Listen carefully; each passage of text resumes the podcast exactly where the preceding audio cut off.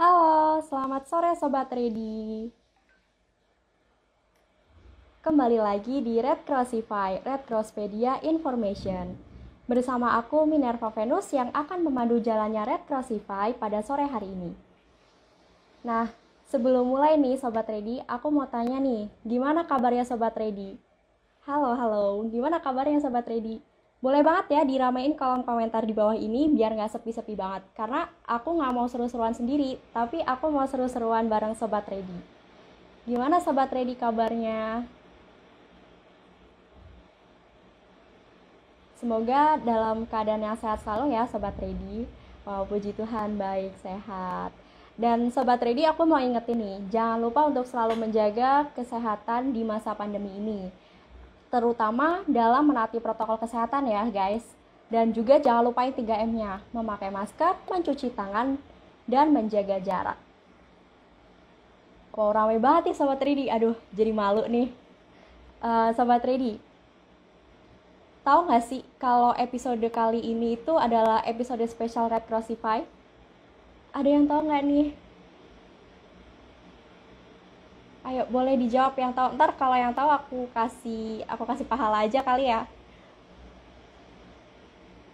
Wah, kok nggak ada yang tahu sih? Aduh sedih banget. Kenapa guys?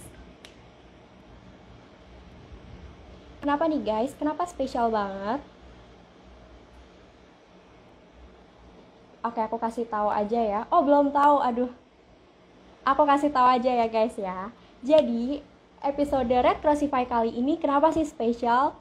Karena dibawakan secara langsung melalui live Instagram KSR PMI Unit FKM Undip.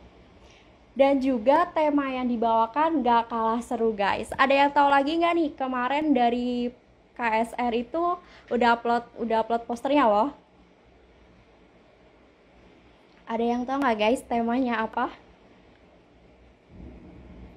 Ya aku kasih tahu ya. Untuk temanya itu nggak kalah menarik karena menyangkut tentang penerimaan anggota baru di sebuah organisasi, yaitu tentang kaderisasi.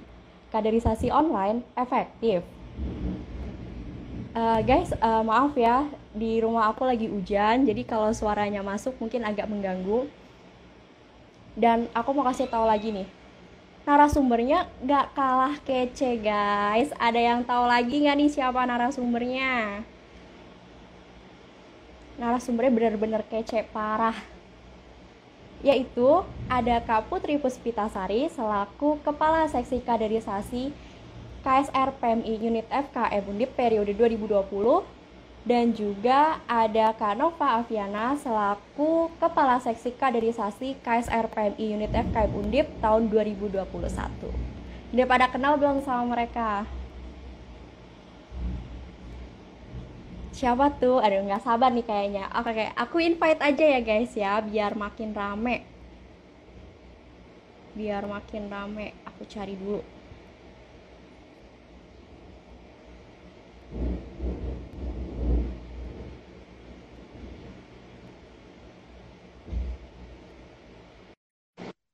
Bentar ya guys ya, aku cari dulu nih.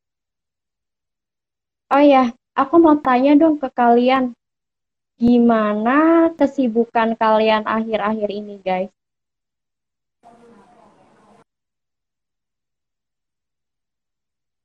Oke, dari Kak Pusnya udah join. Dan Kak Fianya udah join. Halo Kak Pus, halo Kak Fia. Halo. Halo, eh aku masuk nggak ya? Masuk Kak, masuk. Gimana nih kabarnya Kapus sama Kavia? Alhamdulillah baik, masih bisa nafas. Puji Tuhan. Alhamdulillah baik. Untuk kesibukannya akhir-akhir ini gimana Kak? Gimana Kak Pus? Aku lagi magang ini. Masih di tempat magang. Wah, keren banget ya buat Kak Pus. Maaf ya. ya. Ya, makasih ya Kak Pus ya udah menyempatkan waktu untuk hadir. Untuk Kavia gimana nih Kak sibukannya Kak? Kalau aku kuliah aja sih ngerjain tugas-tugas gitu. Jadi mahasiswa pada umumnya. Oh, Kak, Kapus ada yang nanya tuh magang di mana? Ayo, masa Zafa nggak tahu nih? Aku magang di ini Semen Indonesia. Sudah terjawab ya, Kak. Eh, Oke, mungkin kita langsung aja kali ya, Kak.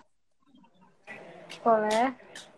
Oke, aku mau tanya-tanya nih, Kak. Kalau dari Kapus sama Kavia kan berkecimpung di dunia kaderisasi KSR ya, Kak ya. Sebenarnya tupoksi dari kaderisasi itu apa sih, Kak? Siapa yang mau jawab, Kak? Boleh Via. Aduh. ini, ini suaraku masuk kan ya? Masuk, Kak, masuk. Oke. Jadi kalau tupoksi kaderisasi itu yang pertama ada ini menjalankan fungsi kaderisasi. Itu ya berdasarkan alur kaderisasi ya. Kemudian ada monitoring evaluasi terhadap kinerja tiap seksinya. Selain itu, eh, tupoksi kaderisasi juga ini kayak penjagaan internal di KSR FKM Undip sendiri gitu. Dari Kapus ada mau menambahkan? Iya. Kaderisasi selain kita nanti uh, penjagaan internal juga. Pokoknya yang berhubungan sama internal ya, kita juga uh, ngurusin penerimaan mahasiswa baru kayak yang tadi Venus bilang di awal kan kan. Eh, nah, Kak, aku mau tanya nih. Berarti apakah kaderisasi tidak sebatas pada penerimaan anggota baru, Kak? Iya. Kalau untuk di KSR kita emang agak beda ya kaderisasinya. Nggak nggak cuman untuk penerimaan mahasiswa baru, tapi kita juga ngurusin internal gitu. Kalau kaderisasi di KSR. Nah, Kak, eh, ngomongin soal internal nih. Kalau dari tupoksi wakil komandan kan juga mengarahnya ke internal ya, Kak ya. Lalu bedanya apa ya, Kak, untuk penjagaan internalnya sendiri atau mungkin yang lainnya dari kaderisasi dengan wakil komandan? Via mau jawab? Jadi kalau di KSR, aku izin jawab ya. Jadi kalau di KSR itu ada ini nerva apa pengendali internal.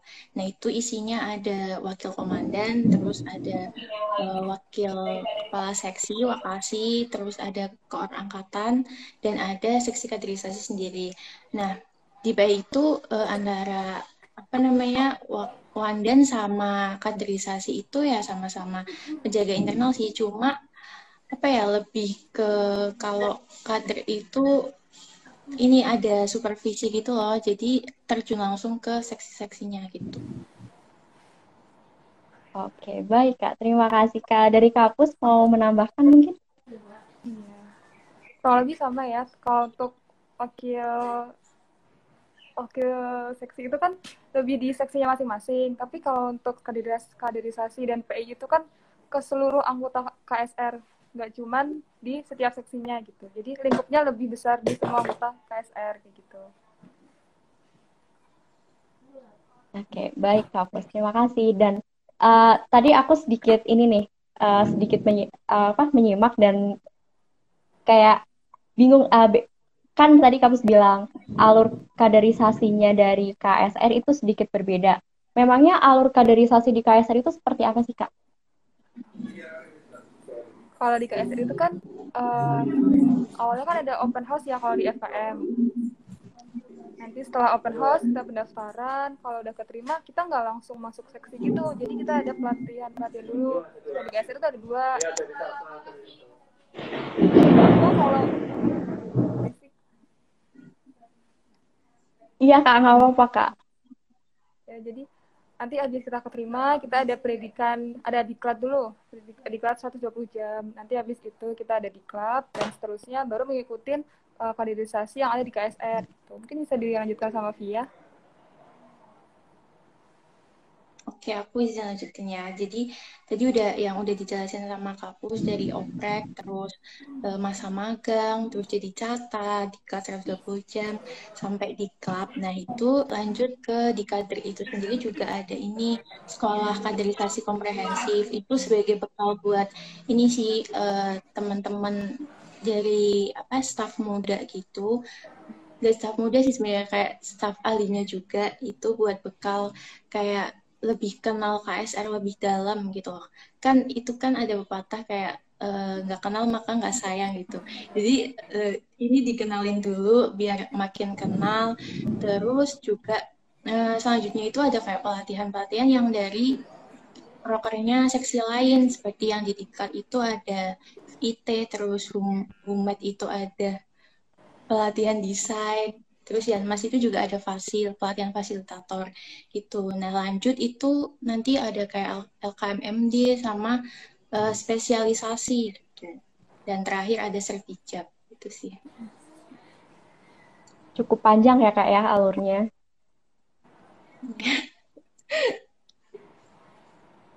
Uh, tadi dari Kak Sidik request join. Kak Sidik adalah salah satu staf ahli dari kaderisasi KSR FKM Undip 2021. Tapi ini hitam ya, apa dari Kak Sidik? Iya, lagi loading gitu di aku, di aku juga. Iya, sambil menunggu ya Kak ya. Nah, untuk alur yang sangat panjang ini Kak, kan sekarang terbatas ya Kak ya, karena semenjak pandemi semuanya dibatasi untuk uh, pendidikan pun dibatasi secara daring, harus dari rumah. Nah, kira eh, kira-kira apa sih Kak bedanya dari proses kaderisasi dari masa online dan masa offline? Mungkin dari Kapus bisa menjawab di masa offline karena Kapus sendiri mengkader secara offline ya Kak ya, dan dari Kavia bisa menjawab uh, untuk kaderisasi masa off online ya, karena dari Kavia pun mengkader secara online. Kalau kalau untuk masa offline kan pasti lebih enak ya ngurusnya. Kita diklatnya online langsung ketemu nggak yang lewat laptop gitu kan ngeliat laptop. Terus abis diklat itu kan ter selang sebulan gitu ada diklat pendidikan lapangan. Itu kita juga langsung kan tiga hari. Tiga hari dua malam kayaknya gitu. Nanti kalau udah udah habis diklat ada sekat sekolah kaderisasi itu kita juga langsung. Sebenarnya perbedaannya di tatap muka langsung yang lebih enak jadi kita ketemu bisa kenal langsung sama para pemateri sama orang-orang PMI langsung gitu kan uh, terus ada juga kayak spesialisasi yang tadi udah Via bilang spesialisasi itu kita setelah nanti kita udah lulus di kelas 120 jam bagi orang-orang yang mau lanjutin lagi tuh spesialisasinya dia bisa daftar ke spesialisasi ada juga pelatihan fasil fasilitator Gitu. Kalau pelatihan fasilitator ini lebih mengarah uh, untuk nantinya kita mengajar PMR gitu di sekolah-sekolah. Gitu.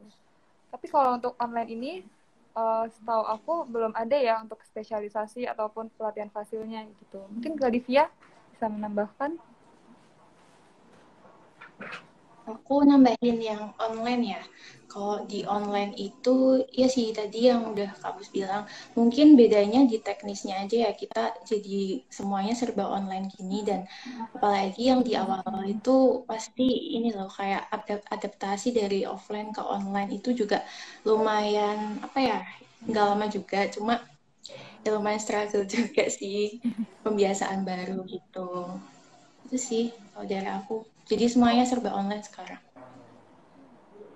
Baik, Kak. Terima kasih. Dan aku mau tanya nih ke Kak Pus ya, kalau dulu gimana sih Kak hektiknya transisi ke pengurusan dari offline ke online? Karena tahu aku kan semua serba mendadak ya, tiba-tiba di stop nggak boleh sekolah, nggak boleh datang ke tempat-tempat umum gitu Kak.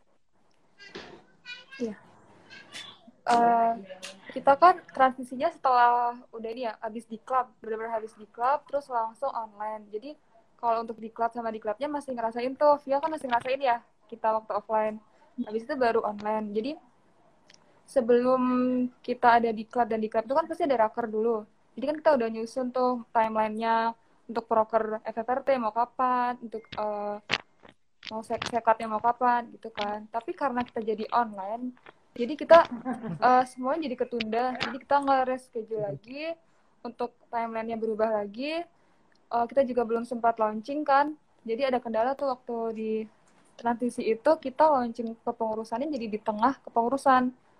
Di kayaknya tuh di Agustus kayak gitu. Nah terus yang karena kita awalnya kan mikir nanti aja dia nunggu kalau udah offline lagi terus kita foto bareng. Ternyata kan nggak sampai sekarang pun kita nggak jadi online nggak jadi offline kan depannya gitu. Jadi uh, launching kepengurusannya jadi di tengah kepengurusan. Terus untuk proker-proker besar pun jadinya kita uh, awalnya mau di awal kepengurusan jadi di akhir gitu. Jadi lebih mepet untuk ngurusinnya persiapannya kayak gitu sih. Serba kaget ya kak ya. Udah hmm. udah ngebayangin oh mungkin hampir sama kayak tahun lalu tapi harus berubah drastis ya kak. Iya. Nah aku mau nyentil sedikit ini nih tadi kan kalau kata Pak Kapus Kavia itu udah habis di klub ya habis pendidikan yeah. lapangan langsung kepotong harus online dari dari Kavianya pernah nggak sih kayak pas tahu kepengurusannya online tuh ngerasa kurang semangat atau enggak jadi aduh males banget nih buat organisasi kalau harus online-onlinean kayak gini. Oke, okay. kalau dari aku sendiri nggak ada sih karena emang dari awalnya aku masuk KSR itu ini dari akunya sendiri juga udah mau gitu mau masuk KSR dari itu berarti kayak faktor internalnya ya dari akunya. Terus juga didukung sama faktor eksternal dari teman-teman KSR-nya sendiri tuh kayak saling dukung gitu loh. Apalagi di seksi kaderisasi juga ya seru-seru banget jadi kayak nggak ngerasa bosen ataupun kayak hmm, jenuh gitu-gitu tuh enggak. Itu sih. Berarti emang karena kemauan jadi tetap maju gitu ya kak ya? Iya cuma ya itu kayak disayangkan harusnya kita bisa makrab offline tapi nggak jadi makrab ya kak. Itu sih. Ah, halo Kak Sidik, akhirnya muncul. Maaf ya, tadi HP ku error satunya, makanya ini ganti HP aku. Iya Kak, nggak apa-apa. Uh, mungkin aku juga mau tanya nih ke ke Kak Sidik. Dari Kak Sidik pas tahu kepengurusan organisasi bakal online gitu Kak, ada nggak sih Kak ngerasa kayak, aduh kok jadi mager ikut organisasi atau kurang semangat gitu Kak? Oke, mungkin izin langsung jawab aja ya. Sebenarnya kalau ngelihat rasa magernya di keberjalannya pasti ada yang rasa kayak capek, lelah. Kenapa sih sekarang kegiatannya kayak gini terus online? Ya kumpul-kumpulnya cuma kayak gini kan gak bisa ngeraketin internal banget kan. Apalagi dulunya kalau KSR sepengetahuan sepanjang pengetahuanku aja nih ya kayak kegiatannya itu kan banyak kan kayak misal ada FRT dan sebagainya terus makrabnya juga bisa kayak datang langsung gitu-gitu tuh uh, itu yang bakal nimbulin kekeluargaannya banget gitu loh. Tapi kalau misal sekarang keadaannya online kayak gini ya mungkin ada sedikit perubahan ya buat treatment kita ngedeketin uh, anak-anaknya biar bisa semakin deket lah. Bisa dibilang kayak gitu sih. Emang awalnya ada sih rasa-rasa kayak males dan sebagainya. Tapi pas tahu keberjalanannya dan akhirnya juga bisa dan akhirnya tahun kemarin ya buat KSN kan juga jadi UKM terbaik tuh ada rasa bangga tersendiri gitu gak jadi keluar dari KSR nggak merasa mager dan ya pengorbanannya pengorbanannya pun jadi kayak terasa lebih ada gitu sih. Ya, terima kasih Kak Sidi. Nah, uh, kayaknya uh, kalau dilihat cukup berat ya Kak ya. Tapi apa aja sih tantangan yang benar-benar dihadapi semasa online Kak?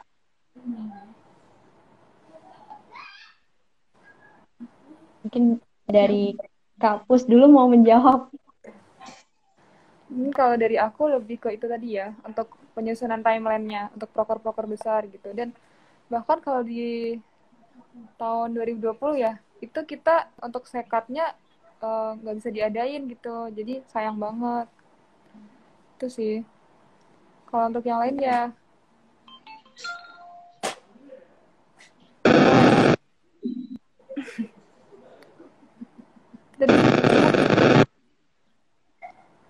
banyak proker yang harus ketunda. Terus bahkan ada yang hilang karena kita uh, lebih di mepetin di akhir gitu kalau aku. Uh, aku izin feedback dulu ya kak ya. Berarti waktu kepengurus di kepengurusan kakak itu waktu di tahun sebelumnya 2020 waktu awal online gitu sempat masih pada ini dong kak kayak nanti dulu deh uh, pasti bentar lagi offline kayak masih mengharapkan offline gitu atau kayak ya udah pasrah aja udah kita bikin aja semuanya jadi online gitu kak. Jujur kita masih har ngarepin ya buat offline. Jadi kayak ada beberapa saat kita oh uh, nyusun timeline itu uh, ya nanti ini tanggal ini tanggal ini. Kita tunggu kita ke FKM aja bareng gitu kan. Tapi nyatanya sampai sekarang kan enggak gitu. Jadi mundur terus mundur lagi gitu sih PHP-nya sampai sekarang kak. sekarang sampai udah demis ya. iya. Kalau dari Kavia dan Kak Sidik mungkin mau menjawab apa sih tantangan yang benar-benar dihadapi di kepengurusan online ini? Siapa dulu? Aku ya mungkin. Kalau aku sendiri ngerasainnya buat ini sih kayak uh, koordinasi komunikasinya aja kayak waktunya sama waktunya kan masing-masing anak itu punya kesibukan masing-masing ya. Itu susah aja sih buat ngatur satu waktu semua ikut itu sama uh, komunikasi. Itu sih juga kayak teman-teman yang kan kita nggak bisa nyamain semua karakter anak ya. Kadang ada yang emang gak suka chatan gitu tapi kalau ketemu langsung ngobrol asik gitu kan. Nah itu sih yang eh yang jadi tantangannya gitu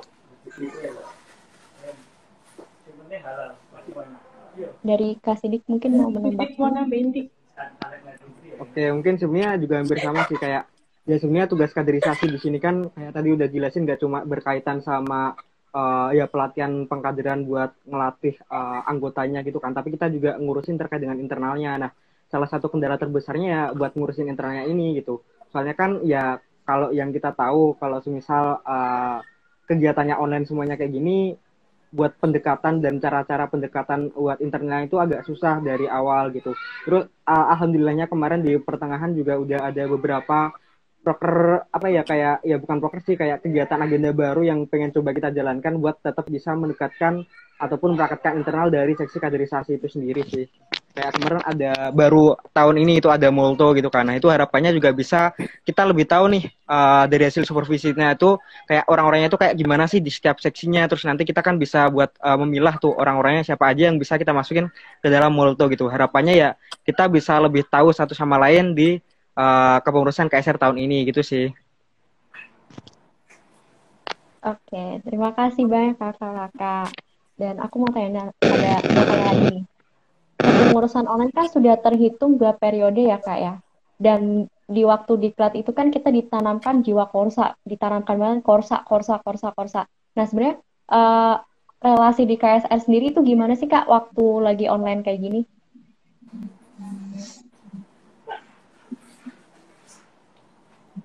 Ya. Aku. Boleh kak. Oke okay, aku coba jawab ya sebenarnya kalau secara realitanya itu di jiwa korsa di kepengurusan online gini tuh lumayan susah ya seperti yang kita tahu kan masalah utamanya di komunikasi nah jiwa korsa sendiri itu kan bisa diartikan kayak rasa kebersamaan dan sepenanggungan gitu. Nah, bagaimana bisa kita merasa sepenanggungan kalau e, dari kitanya itu belum merasa kayak memiliki keterkaitan satu sama lain gitu loh. Jadi lumayan susah sih kalau menurutku, tapi bukan nggak mungkin ya. Itu bisa diakalin dengan kayak uh, ini dari uh, eh, KSR kan juga ada wakasi itu bisa dikuatin dulu di internal seksinya masing-masing gitu. Itu sih. Mungkin dari Sidik ada mau tambahan. Kapus juga pernah ngerasain mau masuk duluan Kapus. Dua star biasanya terakhir soalnya ngomongnya. Aduh kalau aku jujur susah ya ngurusnya karena selain kita tuh nggak kenal sama anggotanya secara langsung pasti kan kayak cuman ingat nama doang atau ingat wajah doang kan. Uh, itu sebenarnya kunci utamanya kita tuh harus kenal. Nah karena online kan kenalnya cuman kayak terbatas gitu kan.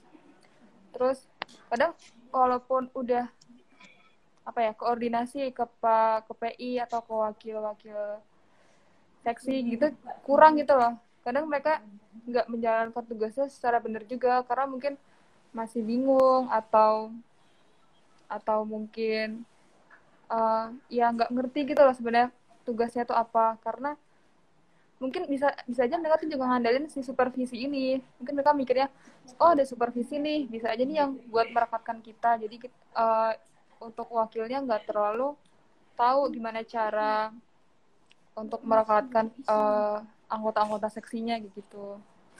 Selain itu juga kalau aku dulu kan lebih apa ya?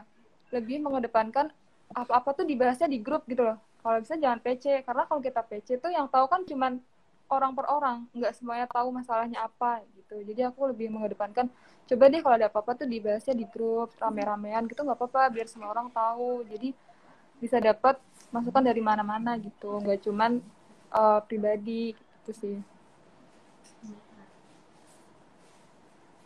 udah terjawab ya sama yang lainnya dan kebetulan jawabannya semuanya sama gitu. Yang lainnya aja mungkin bertanya iya. Wah. baik kak. Berarti aku mau narik kesimpulannya kak ya. Berarti sebenarnya untuk lebih mengembangkan jiwa korsa tuh yang utama komunikasi ya kak ya. Kalau di komunikasi komunikasi secara langsung rame-rame jadi rasanya semua menyelesaikan bersama gitu ya kak? Iya. Baik terima kasih kak dan uh, mungkin buat ada nggak nih dari sobat ready yang ikutan join mau tanya-tanya? Boleh banget ya guys mumpung lagi ada yang ahlinya di sini jadi nggak salah kaprah jawabannya. Ayo ayo guys yang mau nanya. Belum aku lagi yang nanya ke kakak-kakaknya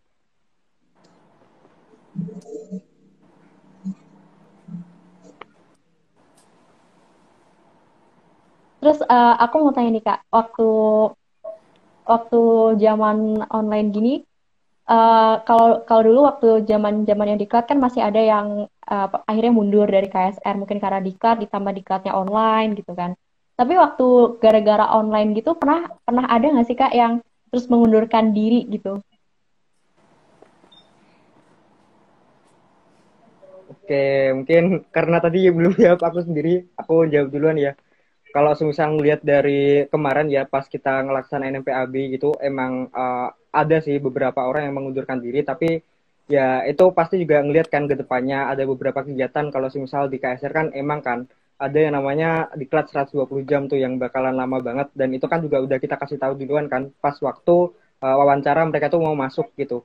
Di wawancara akhir tuh kita jelasin kalau semisal nantinya bakal ada diklat 120 jam. Dan itu juga butuh persetujuan dari orang tua setiap uh, anak yang mau ikut gitu. Nah, kalau semisal mereka ada yang mengundurkan diri, ya kemungkinan uh, beberapa hal di antaranya ya karena tidak direstui sama orang tuanya mungkin ya karena uh, kegiatannya yang mungkin bakal banyak padat. Tapi sebenarnya ingin sedikit meluruskan aja sih buat uh, KSR di dari tahun sebelumnya tuh kalau semisal dari seksi kaderisasi sendiri lebih mengurus terkait dengan PAB-nya karena uh, itu kan terkait dengan penerimaan anggota barunya gitu kan. Nah, kalau semisal nanti udah ngurusin ke diklat, itu tuh bakal diurus lebih kepada si diklat. Kenapa? Karena buat seksi kader itu lebih ngurus terkait dengan ya uh, reorganisasi sama dengan uh, peningkatan soft skill yang tidak ada berhubungan sama uh, peningkatan di uh, KSR sendiri. Kalau misalnya KSR kan terkait dengan kepala merahan gitu kan. Nah, diklat ini kita didiknya lebih kepada kepala merahan dan kenapa itu lebih kepada tugasnya dari seksi diklat gitu, bukan dari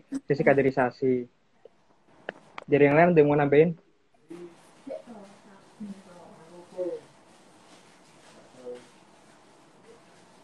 Mungkin ada yang mau menambahkan?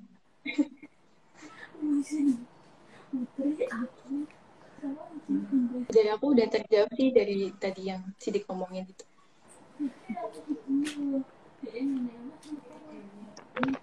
Dari kampus mungkin? Iya, aku juga. Terima kasih, Sidik. Oke, terima ini kasih. curang ya. Tadi aku bilang udah cukup, sekarang yang lainnya udah cukup ini. Biar ganti-ganti pertanyaan gitu. Oke, uh, aku mau nanya nih terakhir. Kalau dari kampus sebagai sesepuhnya mungkin ya, apa sih kak pesan untuk KSR ini kak? Pesannya, KSR itu uh, kalau aku kan dulu sempat ngerasain offline ya, jadi kalau ada rapat uh, tiap rapat tiap pulang kuliah itu kita pasti rapat pulangnya sampai malam. Walaupun nggak ada apa-apa juga di posko gitu jaga posko. Enaknya itu bisa kumpul-kumpul sama teman-teman ketemu teman baru. Bahkan aku ngerasa uh, posko itu tuh rumah rumah aku rumah kedua gitu saya di kos. Aku nggak pernah karena aku nggak nggak di kos cuma buat tidur doang. Ntar kita mainnya di posko bareng-bareng gitu. Jadi lebih apa ya dapat teman baru dapat keluarga baru gitu. Sedih banget sih pas ini uh, habis di klub. Kan itu langsung pisah ya. Nggak sempat ada uh, nggak sempat farewell gitu loh kita. Nggak sempat ini buat say goodbye uh, untuk transisinya gitu sih. Hmm. Cocok kangen ya. Kalau pesannya Kak untuk KSR? Pesannya untuk KSR semoga KSR kan sekarang ini ya aku lihat uh, lihatnya tuh KSR lebih aktif ya untuk di perlombaan. Semoga bisa terus ikut lomba-lomba, semua lomba diikutin. Kita bisa buat jadi KSR terbaik se-Indonesia gitu ya. Amin. Amin. Uh, oh ya kak, aduh maaf banget nih, padahal tadi udah di ujung, tapi aku kepo nih. Uh, tadi kan dari Kak Sidik bilang kalau udah diklat ya yang punya seksi diklat gitu kan, tinggal lapaknya seksi diklat. Tapi ada nggak sih kak pengkaderan yang dibawa dibawa di diklat itu kak? Yang yang dibawa di diklat apa aja gitu? Oke, mungkin izin masuk ya. Jin jawab kalau misal di uh, terkait dengan program-program pelatihan gitu di KSR tuh sebenarnya juga nggak cuma ada di seksi diklat aja sih beberapa tadi juga udah disebutin kayak kapus gitu kan ada pelatihan uh, apa fasil. Nah itu tuh juga bukan diklat itu pengmas. Ya oh ya mas ya aku nggak lupa antara dua itu. Nah pokoknya itu kan. Nah kalau semisal di diklat sendiri kayak dengan tadi lebih kepada awal masuk itu ada uh, di klub 120 jam itu sama mungkin nanti keberlanjutannya ada di klub kalau misal ada ya. Karena kan kita ngeliat kondisi juga kalau misal di klub terus uh, ya sebenarnya banyak sih buat program-program pelatihan yang ada di KSR ini sendiri. Terkhusus kalau misal yang dipegang sama kader itu ya mungkin awalnya di PAB itu kan. Karena nanti bakal ada kegiatan magang dan magang itu juga pasti berguna banget. Itu ada peningkatan soft skill kalian yang udah sesuai dengan nanti ranahnya kalian tuh masuknya bakal ke mana gitu. Terus nanti pas kalian udah masuk di tahun sebelum sih nggak ada sih. Cuma tahun ini ada kembali lagi tuh uh, sekolah kaderisasi dan kemarin juga harapannya dari sekolah kaderisasi itu kita ada apa ya namanya inovasi baru gitu loh dalam sekolah kaderisasinya. Jadi nggak cuma bahas satu kali tapi juga ada beberapa kali. Kemarin yang pertama itu terkait dengan bahasan umum kayak misal materi keorganisasian, terus kesekretariatan. Nah, harapannya itu uh, bagi anggota nanti juga bisa lebih paham terkait dengan keorganisasian sama kesekretariatan gitu kan. Nah, sama satu lagi tuh di hari kedua nanti bakal ada lebih fokus ke uh, internal masing-masing gitu loh. Maksudku ke seksinya masing-masing. Nah, nanti di sana lebih terkait dengan bahas di seksinya itu tuh tugasnya ngapain aja sih gitu. Terus juga uh, harapannya tuh agar terutama staf muda bisa lebih paham terkait dengan tugas-tugasnya buat keberjalannya selama ngejalanin di KSR gitu. Ini kebetulan aja ya aku kemarin jadi PJ-nya sekat Pas banget ya kak ya. Mungkin dari Kapus atau Kavi ada yang mau menambahkan? Iya, kalau dari diklat memang kayaknya cuman diklat satu jam sama diklat selebihnya itu dari si yang lain kayak tadi Yanmas lebih ke Yanmas sih. Sama ada juga tuh sebenarnya uh, spesialisasi sama uh, pelatihan fasil itu dari PMI Semarang yang langsung gitu.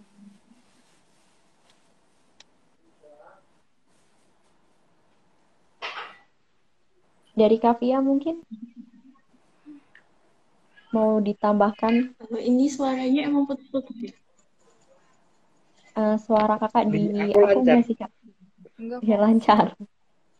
Kayak aku deh. Gimana tadi?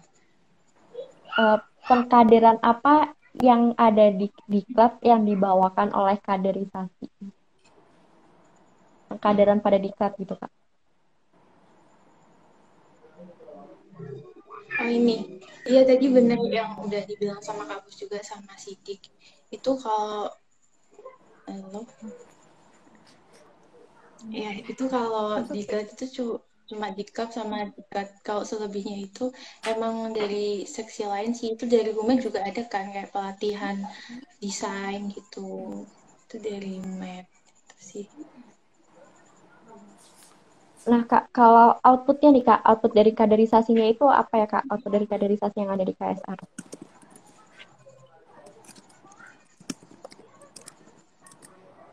Dari kampus? Oke. Okay. Kalau untuk kaderisasi dari diklatnya, kalau dari yang diklat tadi ya, diklat 120 jam sama diklat, berarti lebih ke soft skill ya. Soft skill, terus korsa itu sebenarnya. Apalagi di diklat, itu kita dapat banget korsanya. Jadi ngerasain gimana sih susah bareng sama teman-teman. Kita nggak mandi tiga hari, kita makan bareng di situ satu tempat, kita ngerasain capek bareng, itu sih yang aku dapat. Lebih ke korsanya.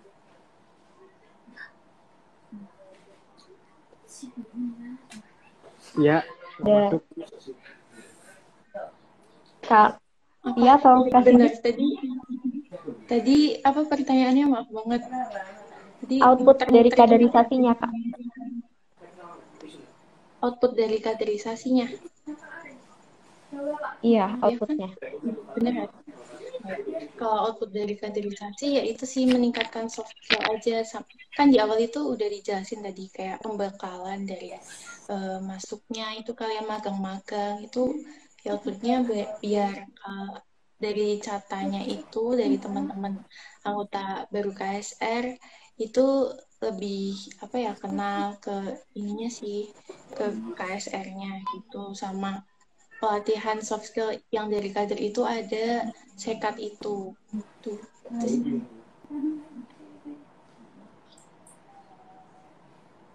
Dari Kak Sidik mau menambahkan? Oke, mungkin sedikit aja ya tambah. mungkin sedikit aja ya tambahan. Kalau misal dari aku ya benar sih buat ningkatin soft skillnya. Dan harapan utamanya itu dari pengembangan soft skill yang udah diterima saat uh, pengkaderannya berjalan tuh ya ber- bakal berguna gitu loh buat menunjang keberjalannya proker-proker selama dia uh, ada di KSR atau mungkin ya nanti harapannya setelah lulus di KSR kan juga uh, bakal ada lanjutan gitu karena harapannya uh, ya agar setiap proker yang tuh bisa lebih apa ya uh, sesuai gitu karena dia udah punya basic skillnya dulu nih sebelum melaksanakan kegiatan. Semangat Kak Putri. Oke, terima kasih Kak Sidik. Dan di kolom komen ada yang bertanya nih dari Cynthia underscore Indah Rahayu. Aku bacain ya Kak ya pertanyaannya. Mau tanya ya Kak dan teman-teman, hehehe. Menurut Kapus dan teman-teman, kira-kira ada nggak sih cara paling efektif untuk menjaga internal KSR ketika online? Oke. Siapa dulu nih? Mungkin dari Itu Kapus dulu. tulisnya Kak Pus. Kan Dan Kapus teman-teman. dan teman-teman Kak. Oke. Mungkin kalau dari aku eh untuk menjaga internal ya, tadi lebih ke gunain grup itu secara maksimal. Jadi kalau ada apa-apa tuh di grup. Selain itu eh, kita sering-sering aja adain apa ya di luar rapat eh, yang ketemu di luar rapat gitu loh. Bisa makrab online tuh bisa. Aku dulu sering sama teman-teman aku makrab online. Kita teleponan, kita video call sampai sampai malam gitu tuh bahas-bahas hal di luar KSR itu yang bikin uh, kita tambah deket apalagi kalau julid itu kan pemersatu banget ya tuh dan uh, kalau bisa nggak cuman yang sama circle-nya doang jadi sama semuanya bareng-bareng kayak gitu. Kalau aku. Kan kadang kita apa ya jenuh kalau bahasnya proker terus kali ini adalah sehari dua hari kita lupain dulu pro proker kita bahas-bahas uh, ya itu tadi kayak julid-julid gitu sih kalau aku. Julid pemersatu ya Kak ya. iya Kalau dari Kavia dan Kak Sidik mau menambahkan? Iya dulu.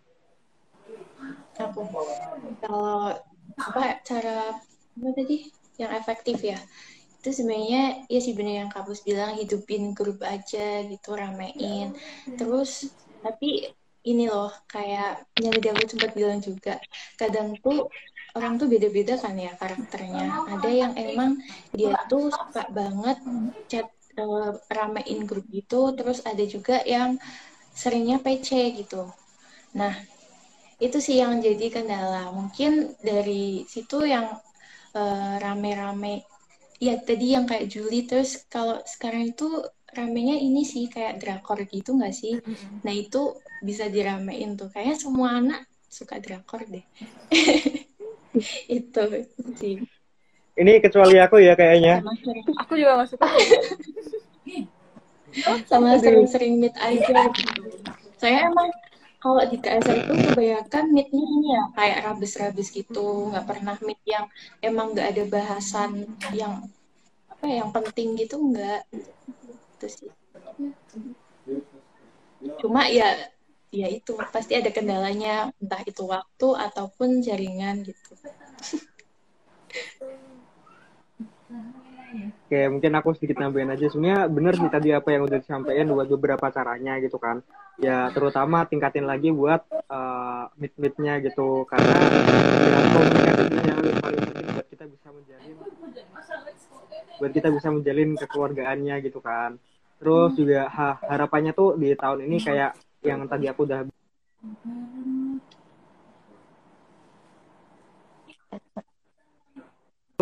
biar bisa kita lebih mengenal satu sama lain secara personal lebih jauh gitu loh buat perkataan kita gitu. Itu uh, ya anggota KSF tahun ini gitu kan. Nah itu tuh juga merupakan salah satu cara gitu entah nanti efektif atau tidak depannya gitu. Dan ya satu-satunya paling efektif ya tadi sering-sering ngobrol aja sama teman-temannya sama teman-teman yang lain gitu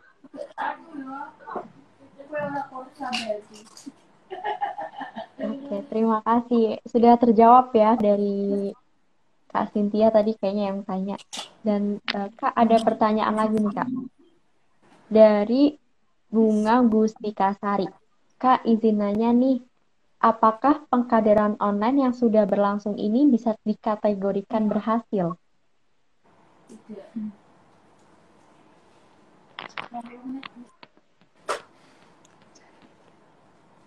Siapa Mungkin nih yang mau jawab? Kakak-kakak yang mengkader online, apakah sudah berhasil?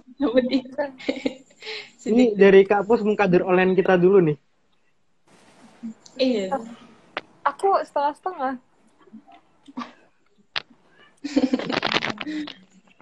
Kalau karena kalian kan udah dapet offline-nya ya, jadi aku ngerasa lebih bisa apa ya, korsanya lebih dapet. Jadi waktu itu memang sempat berhasil. Tapi setelah online aku rasa mulai luntur gitu loh semangatnya rasa forsanya. Jadi ya enggak kalau berhasil tapi nggak maksimal gitu sih kalau aku.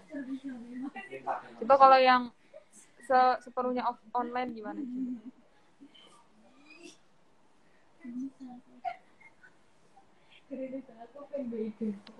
Dari Via nambahin kalau bisa dikatakan uh, setengah-setengah sih berhasil nggak berhasil. Soalnya emang apa ya kayak kalau online gini tuh mungkin ada beberapa yang prioritasnya itu uh, ke ini gitu nggak priori nggak prioritasin ke KSR-nya gitu. Jadi kayak maksimal aja sih. Itu sih Ya, mungkin aku juga sedikit nambahin aja ya kalau misal pengkaderannya ini dalam artian pengkaderannya kan bukan penjagaan internalnya gitu. Kalau misal pengkaderannya sendiri kan berarti lebih kepada gimana caranya kita ningkatin soft skill dari si uh, anggota kita buat keberjalanan di KSR itu kan. Nah, sebenarnya ada beberapa cara yang bisa dikatakan efektif kalau misal emang dikasih tugas itu kan dia bakal uh, mengimplementasikan gitu kan terkait apa yang udah dia laksanakan. Tapi kalau semisal beberapa pelatihan yang cuma sekedar ya dengerin materi gitu. Kadang-kadang mungkin uh, outputnya masih benar-benar kurang kerasa. Kita kan juga nggak tahu tuh. Kadang-kadang juga ada yang kalau misal off cam gitu kan pas dengerin materi kan kita nggak tahu apakah benar-benar depan layar atau dia tiduran sambil mainan HP scroll IG scroll TikTok gitu kan kita nggak tahu tuh. Nah mungkin itu sih buat uh, halangan kenapa bisa dikatakan kurang berhasilnya gitu. Tapi kalau misal beberapa cara yang udah dilaksanakan di uh, KSR ini sendiri dan kebanyakan pelatihan di KSR tuh juga ada simulasinya sih kayak ada tugas akhirnya gitu nanti. Jadi ya ya harapannya bisa udah berhasil sih dari apa yang telah dilakukan karena emang ada keterbatasan kan dalam keadaan kayak gini gitu.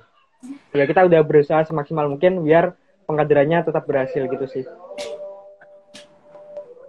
Baik, terima kasih Kak. Terjawab ya. Uh, aku mau tanya, ada pertanyaan lagi nih Kak. Dari Nabila N underscore. Halo Kak, aku izin bertanya ya. Kira-kira nih backup plan apa sih jika sistem pengkaderan yang sudah dijalankan tidak berjalan sesuai keinginan? Terima kasih.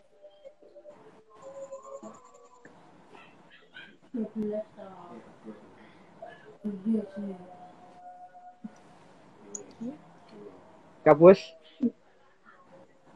Aduh. Sidik aja dulu. Oke, backup backup plan apa sih? Apa tadi? Apabila pengkaderan yang sudah dijalankan tidak berjalan sesuai keinginan.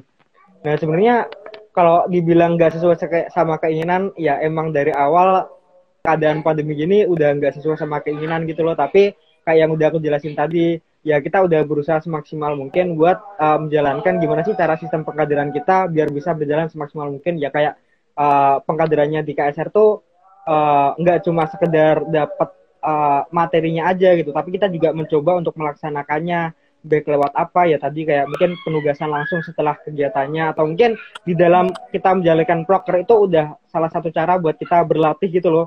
Buat kita berlatih uh, ya gimana caranya kita mendapatkan apa yang sebelumnya mungkin kita nggak dapat selama cuma dapat materinya saat pemaparan materinya gitu. Nah di kegiatan-kegiatan proker misalkan ada yang jadi si uh, si humas desain gitu kan. Mungkin bisa belajar desain lagi tuh di sana.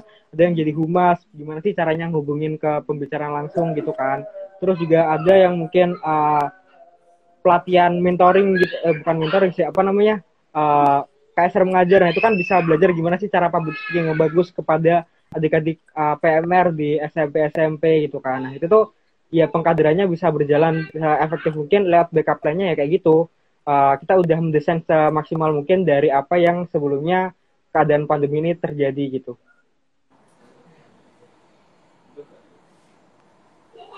Baik, terima kasih Kak. Dari Kapus atau Kak Fia ada yang mau menambahkan?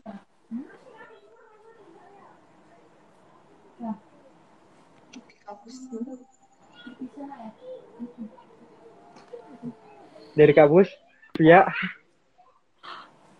Kalau aku gimana ya? Karena aku dulu kan aku ini ya uh, untuk pengadilannya kan offline, jadi aku gak, apa ya nggak belum kepikiran gitu loh untuk backup plan-nya gimana karena udah udah terlaksana kan, jadi kita nggak mikirin plan B-nya gitu sih kalau dari aku.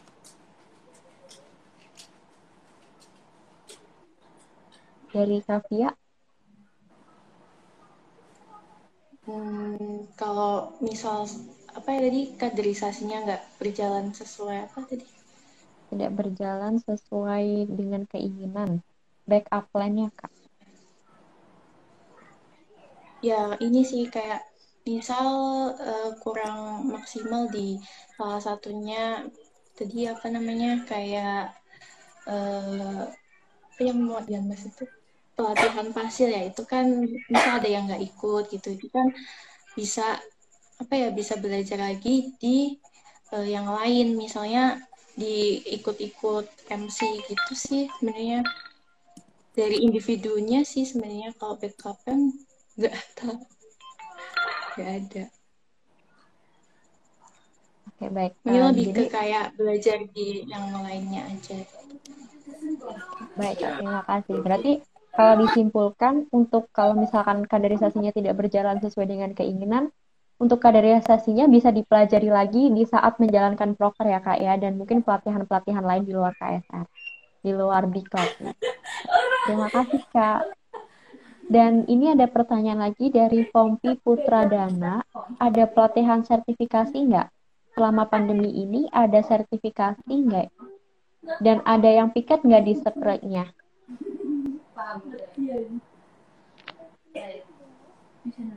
sekrenya? Mungkin, Oke, mungkin aku izin jawab ya. Boleh kak. Uh, sebenarnya ini mungkin lebih ke pertanyaan umum gitu kan, nggak terlalu berhubungan juga sama uh, sisi kaderisasi. Tapi untuk melihat, eh, untuk melihat sekarang ada sertifikasi atau enggak, sebenarnya sebelumnya tuh pernah kita mencoba buat mengajukan sertifikasi secara online gini kan. Tapi dari pihak-pihak yang uh, kita jalankan sertifikasi, misal dari PMI atau Damkar tuh uh, mereka juga ada kriteria kriteria tersendiri gitu loh dalam melakukan penilaian buat bisa mendapatkan sertifikasinya tuh turun gitu. Nah itu tuh uh, memang karena ada beberapa hal yang kita nggak bisa ngejalanin. Misal kalau misal FFRT gitu kan mungkin kita harus ada berapa jam di dapat materi berapa jam dapat uh, pelatihannya di lapangan kayak belajar gimana sih caranya memadamkan api lewat apar gitu kan. Nah sekarang secara online itu kan kita nggak bisa nih. Nah karena itu mungkin beberapa hal yang tadinya sertifikasinya itu uh, mungkin bisa dipakai gitu kan. Nah, sekarang kayak ya sertifikasinya sekedar sertifikat uh, kayak sertifikat seminar gitu, bukan sertifikat pelatihan. Mungkin kayak gitu sih. Berarti tetap ada ya, Kak ya? Tapi beda sertifikat ya? Iya. Baik, Kak. Terima kasih banyak. Dan uh, karena sepertinya tidak ada yang bertanya lagi, jadi ini untuk terakhir ya, Kak ya, untuk kakak-kakak. Harapan untuk KSR apa nih, Kak? Mungkin dari kampus terlebih dahulu. Tadi udah di spill ya, karena sekarang online gini, jadi kita nggak bisa ngadain pelatihan-pelatihan secara offline kan, yang menunjang soft skill. Jadi mungkin lebih banyak seminar-seminar gitu dan uh, lomba-lomba juga kan. Jadi aku harap RSR uh, eh, banyak ikutin lomba-lomba, ikut uh, kayak kemarin juga ada PHP 2D gitu kan. Itu juga bagus banget. Apalagi kan uh, cuman KSR sama BEM kan. Jadi kayak lebih oh ya KSR tuh ikut ini gitu. Jadi lebih dibanyakin ikut kegiatan-kegiatan gitu walaupun online jadi uh, semoga KSR juga bisa jadi KSR FKM yang mendunia gitu sih kalau mendunia enggak tuh? Dunia enggak tuh? Hmm. dari Kavia harapan untuk KSR kak? Oke kalau dari aku harapannya ya itu sih. Sekarang tuh KSR udah apa ya bisa dibilang lebih baik lebih baik dari sebelum-sebelumnya. Maksudnya meningkat gitu kan nah aku harapannya ya pengennya nanti semakin uh, ke depannya lagi nanti kepengurusan baru atau nanti uh, setelahnya Nerva itu juga lebih apa ya lebih membawa KSR yang lebih maju lagi gitu. Amin. Amin. Mungkin dari aku terakhir juga harapannya sama kayak teman-teman yang lain dari Kapus, dari Via, ya harapannya KSR ini bisa lebih baik lagi gitu karena kita sekarang tuh udah uh, punya prestasi-prestasi gitu baik di FKM sendiri atau bahkan di beberapa kegiatan di luar gitu kan harapannya prestasi tersebut tuh bisa terus meningkat biar bisa melambungkan nama dari KSR FKM uh, eh, ini sendiri gitu. Mungkin itu aja sih dari aku. Baik, terima kasih banyak kakak-kakak yang sudah menyempatkan diri hadir dalam Red Crossify episode spesial kali ini. Maaf ya kak kalau mungkin ada kata-kata atau perbuatanku yang kurang berkenan dan juga untuk sobat ready aku juga minta maaf kalau banyak kekurangan di podcast ini. Sukses terus kuliahnya, sukses magangnya buat kapus, semangat terus, dan juga jangan lupa untuk nontonin Red Crossify di episode-episode selanjutnya. Yeah. Kalian iklan ya kak ya. Baik, terima kasih banyak sekali lagi. Dan juga maaf sekali lagi kalau banyak kekurangan. Dan juga untuk Sobat Ready, kalau yang ketinggalan podcast ini nggak usah khawatir karena podcast ini bakal di-save di IG KSR dan juga bakal ada di Spotify. Jadi kalau yang kepo-kepo nih tentang kaderisasi, terutama kaderisasi di KSR, boleh banget dengerin di Spotify-nya. Oke, terima kasih semuanya. Selamat sore dan sampai jumpa di Retrosify episode selanjutnya. Dadah. Terima kasih semuanya. Terima kasih semuanya. Terima kasih. Sebelumnya ini ada dan Teguh kayaknya dari angkatan 8 ya? Kemarin angkatan 8. Halo dan Teguh. Iya, ada dan Teguh. Halo Dan. Tadi ada dan, dan Coco juga. Dan dan Coco